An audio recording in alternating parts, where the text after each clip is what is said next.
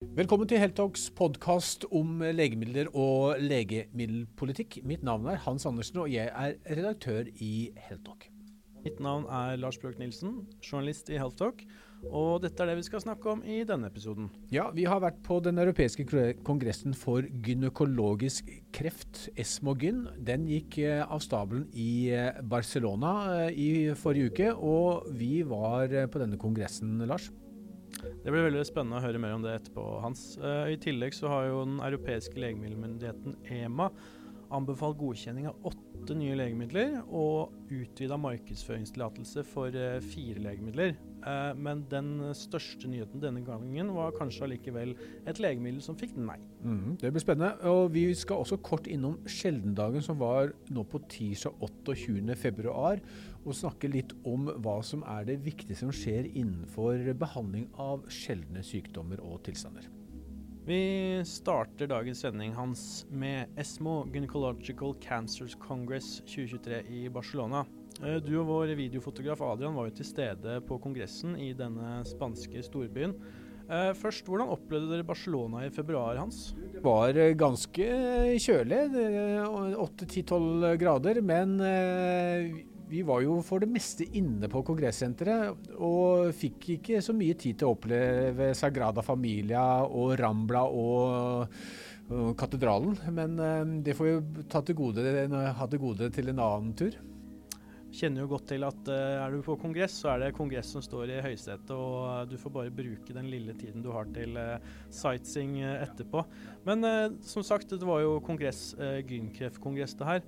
Uh, Hans, var det noen viktige nyheter på gynkreftfeltet denne gangen? Du kan si, du kan si de, de, store nyhetene uh, som kommer på legemidler, det reserveres jo ofte på, til ASKO og ESMO. Så, så, så, så, langt de kan, så sitter legemiddelselskapene og holder tilbake de store nyhetene som slippes der hvor hvor det er da et enormt medieoppbud. Eh, så dette er jo en av, de, en av mange fagkonferanser som ESMO arrangerer. Eh, snart skal det være et i København på lungekreft, som vi skal snakke litt om helt på, på tampen.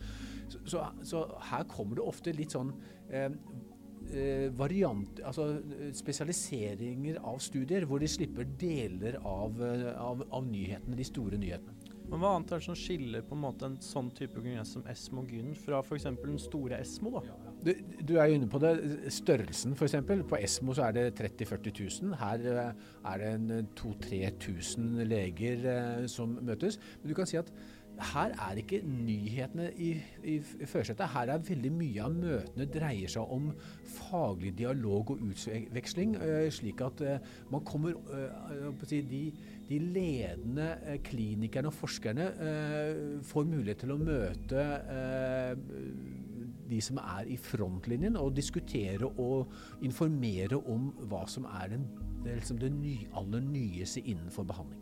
Og til tross for at det ikke de aller største nyhetene på gynkreftfeltet kanskje kom på denne kongressen, så var de fleste av fagpersonene du snakka med ganske fornøyd. Kan ikke du gå litt inn på hva de sa? Jo, altså du kan si det, det, viktig, det kom to viktige nyheter. Eh, og det var innenfor eggstokkreft. og det gjelder to parphemmere. Eh, og det har jo, Parphemmerne har jo på en måte satt agendaen for denne eh, kreftformen i, i no, noen år. Uh, og, og, da er det jo uh, Sejula eller Niraperib og Lynparsa, eller Olaparib som er virkestoffet, uh, som, som, er måte, de store aktørene her. Så, så, GSK og AstraZeneca er de som har disse legemidlene. Så her kom det viktige nyheter. Ellers så, så, så diskuterer man jo andre typer gynekologisk kreft, og, og og, holder, og oppdateringene kommer løpende. Men jeg kan, jeg si litt om de to studiene, Lars. Den ene, ene var jo eh, all, Begge de, de, to disse var studier som eh, var langtidsdata. Eh, eh som viser jo eh, kort fortalt at begge disse to parbeina har en god effekt eh, på, på, på, på, kvinner som har eggstokkreft. og og, og det virker lenge. Det, så det er det viktigste. Langtidsdata er viktig data som, eh, som eh, virkelig viser den vedlikeholdte effekten av disse legemidlene.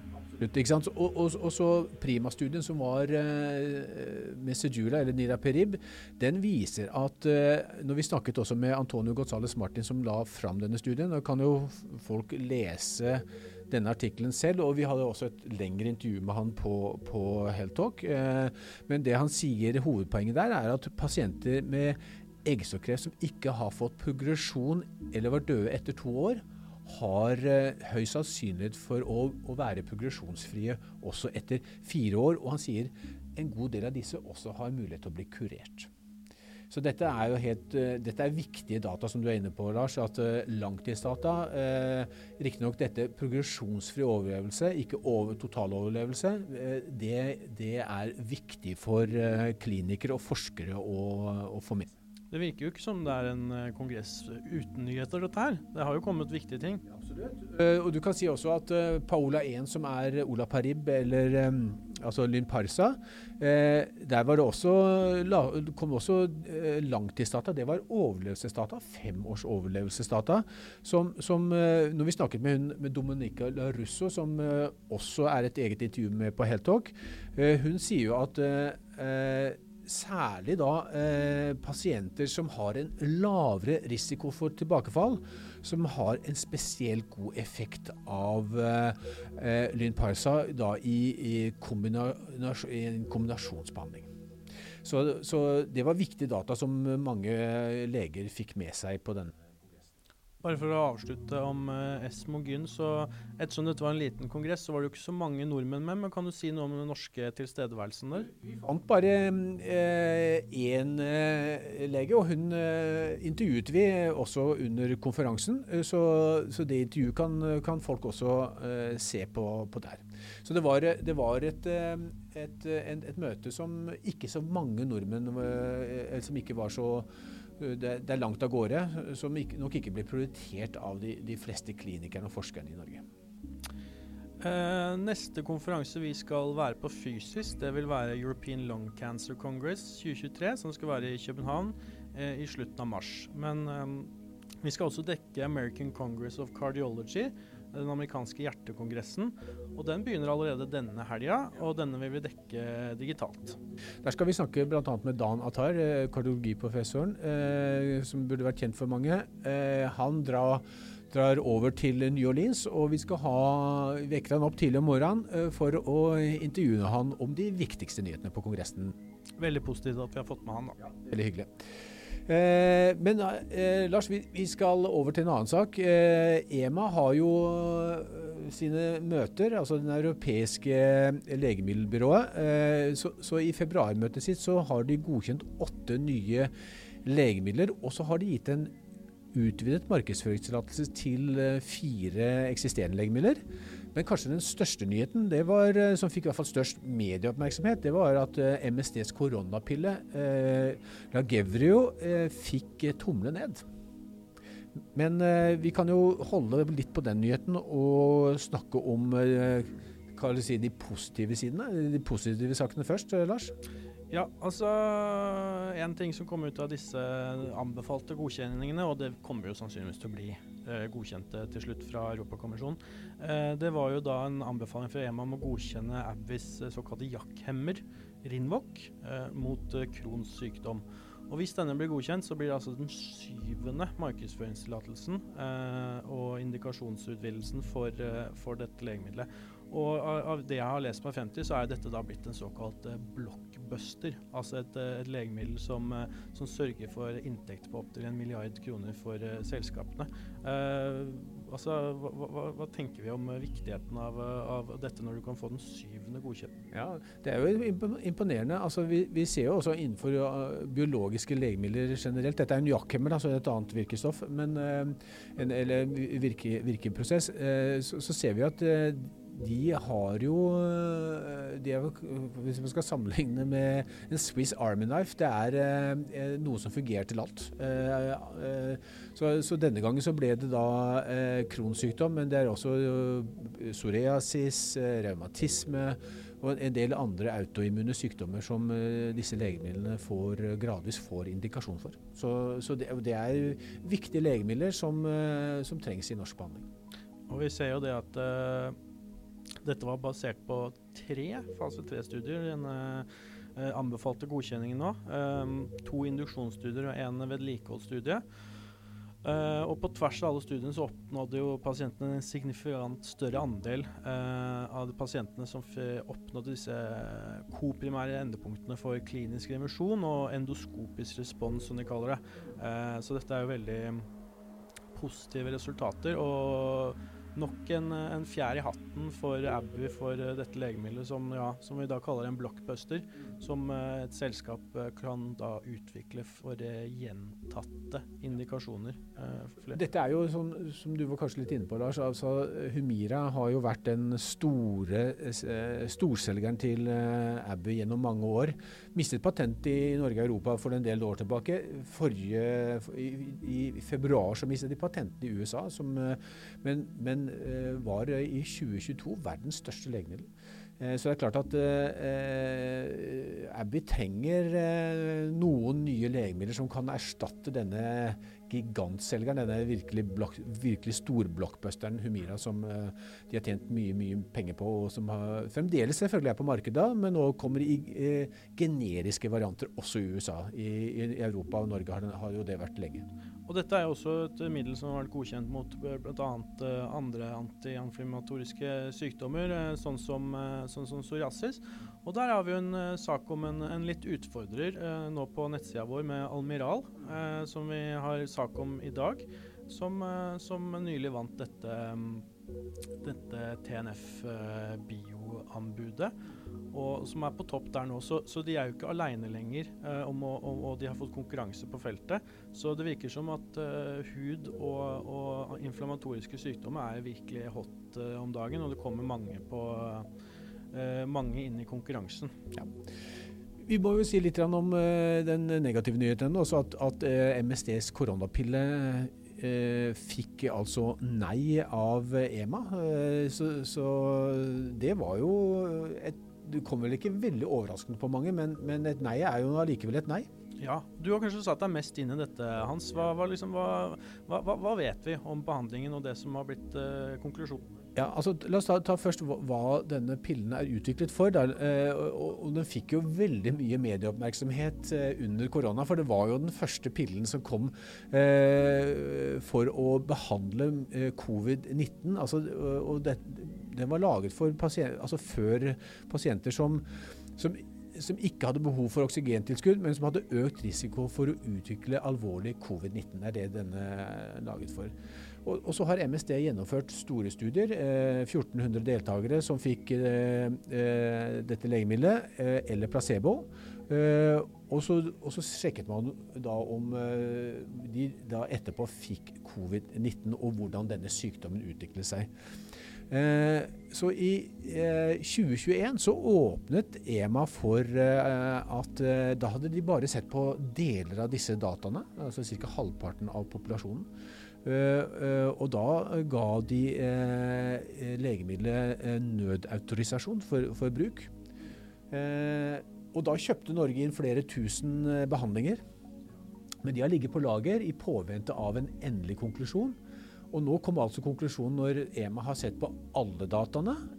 og da sier de at nei, denne, dette legemiddelet har dessverre ingen signifikant effekt i forhold til placebo.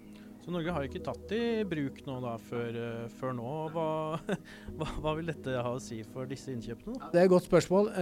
De ligger jo på et lager og kommer iallfall ikke til å bli brukt før EMA eventuelt endrer seg, fordi at nå uh, kommer MSD til å anke denne avgjørelsen. Uh, så vi får jo se da om uh, disse 8640 behandlingene med koronapiller som ligger på lager i Norge, og enda flere i andre land, om de noensinne kommer til å bli brukt. Det ser vel kanskje ikke så, så lyst det er i hvert fall uh, sjelden at vi ser at et, et nei fra, fra en EMA-møte får så mye oppmerksomhet som nå.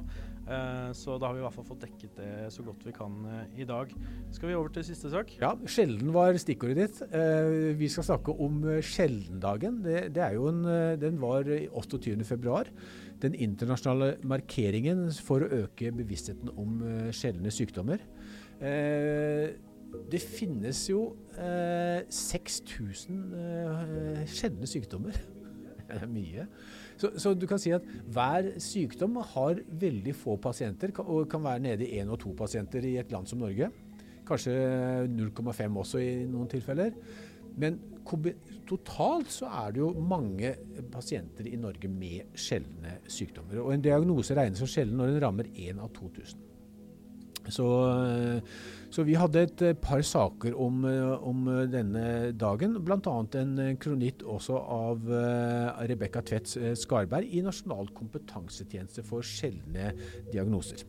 Stemmer, og, vi, og hun gikk jo litt inn, innpå da i, dette, i dette, denne kronikken hennes om fem punkter om hvordan man satser europeisk, og hvordan Norge også må henge med i dette hvis man skal rett og slett henge med på satsinga på, på, forebygging og behandling av, av sjeldne sykdommer.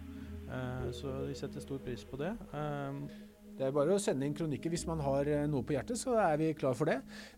Vi kan jo snakke også litt, ikke så veldig mye, men, men, men generelt så, så, kommer det jo nå øh, flere, mange nye legemidler for sjeldne diagnoser. og Dette er et Sett fra legemiddelindustrien også et veldig lukrativt eh, område å utvikle legemiddel på, selv om det er veldig få som, som kommer til å bruke det. Det, den, det legemiddel som kanskje har, har, fått mest oppmerksomhet i denne klassen, det er genterapien Solgensma for, eh, for, for eh, barn med spinal muskelatrofi. Det fødes bare syv eh, barn med alvorlig muskelatrofi i Norge, spinal muskelatrofi i Norge per år, altså.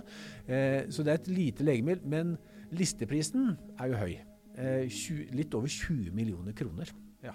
Det er ganske svimlende med tanke på andre typer legemidler man har snakket om eh, tidligere. Da har vi alltid sett et stort skifte?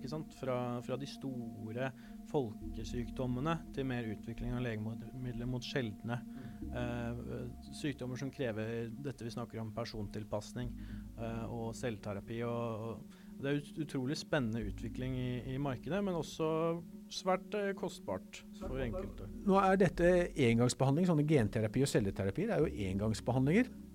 Så, for, så, for, så, får man jo håpe da at eh, denne, eh, denne, effekten holder seg. Litt av problemet er jo at man kan jo håpe og tro at effekten av Solgensma og andre genterapier og celleterapier virker livet ut. men det vet man jo ikke. det foreligger jo etter hvert eh, data for tre og fire år. Men, men, men eh, det er litt av problemet til eh, helsemyndighetene. Hvor, mye kan man bruke på et, en behandling som man er usikker på langtidseffekten av. Så her ligger liksom noe av den gordiske knuten for å innføre disse legemidlene. Mm. Vi kan jo nevne i, i, den, i samme setning som denne sjeldendagen og sjeldne sykdommer at vi, vi, vi, vi skriver jo ofte om de sjeldne nyheter om sjeldne sykdommer som dukker opp. Siste vi hadde, var jo dagen før sjeldendagen. Eh, da skrev vi bl.a. om Sanofi som kom med nye data på en, eh, en mulig medisin mot eh, pumpesykdom. Eh, late onset pumpesykdom.